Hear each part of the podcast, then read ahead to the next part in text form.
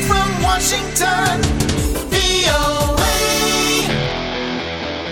apa kabar? Kembali bersama Dania Iman dari VOA di Washington DC Kali ini dalam edisi spesial menjelang di 89th Academy Awards atau di Oscars 2017 Seperti di tahun-tahun sebelumnya, para fans, kritikus film, dan Hollywood selalu terpecah dalam memutuskan siapa saja peraih nominasi yang berhak membawa pulang piala Oscar. Walaupun para pemenang sudah seharusnya dinilai berdasarkan nilai artistik mereka, namun juga ada faktor politik di balik semua ini. Film bertema musikal garapan sutradara Damien Chazelle, La La Land, diprediksi akan menang besar di ajang Oscar.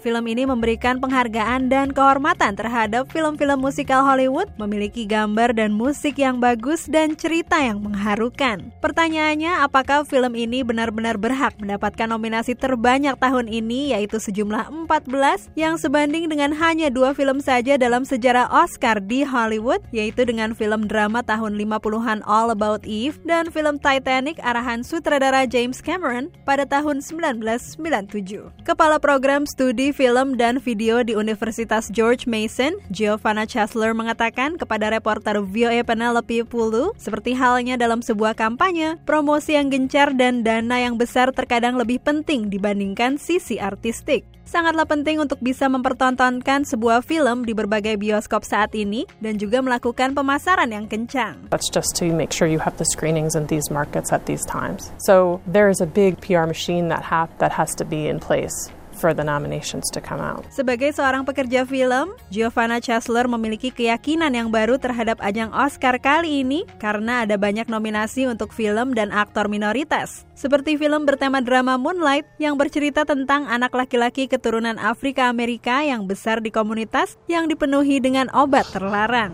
What you, what you looking at me like that for? What, man? Come on, you just drove down here?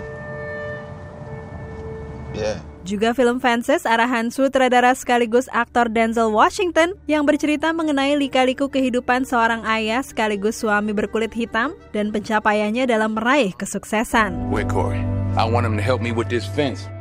Dua film ini mungkin tidak akan terbayang di pikiran para penonton dan juga para pemilih di organisasi Academy of Motion Pictures and Sciences jika tidak ada kampanye dan protes mengenai kurangnya keragaman dalam ajang Oscar tahun lalu yang kebanyakan nominasinya adalah aktor atau film yang menonjolkan kulit putih.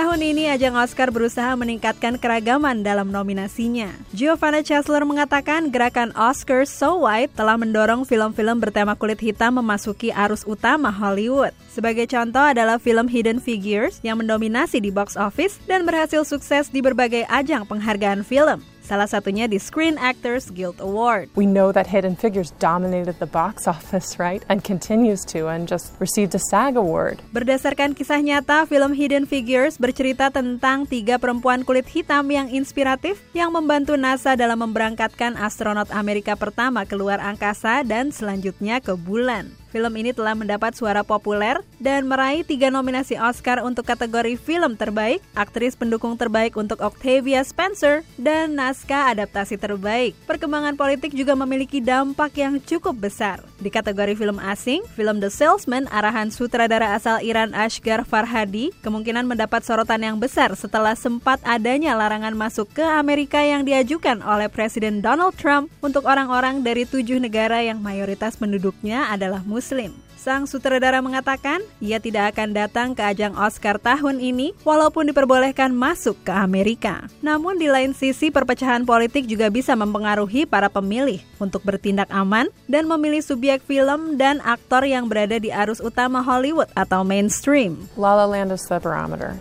And La La Land has just secured more nominations than any other film. Barometernya adalah film La La Land yang telah mendapatkan banyak nominasi yang memiliki kisah umum mengenai warga kulit putih. Dua karakternya bukanlah pedansa atau penyanyi yang hebat dan tidak pernah mendapatkan pelatihan khusus secara resmi untuk bisa tampil sebagai musisi, kecuali penyanyi John Legend yang terlibat dalam film tersebut. Harapan Giovanna Chesler adalah agar penghargaan Oscar tahun ini bisa didistribusi secara adil kepada para artis minoritas. Ia mengatakan penghargaan kepada mereka bisa menjadi langkah baru ke arah yang lebih baik bagi perfilman Hollywood. Dan Iman melaporkan dari VOA di Washington, D.C. VOA.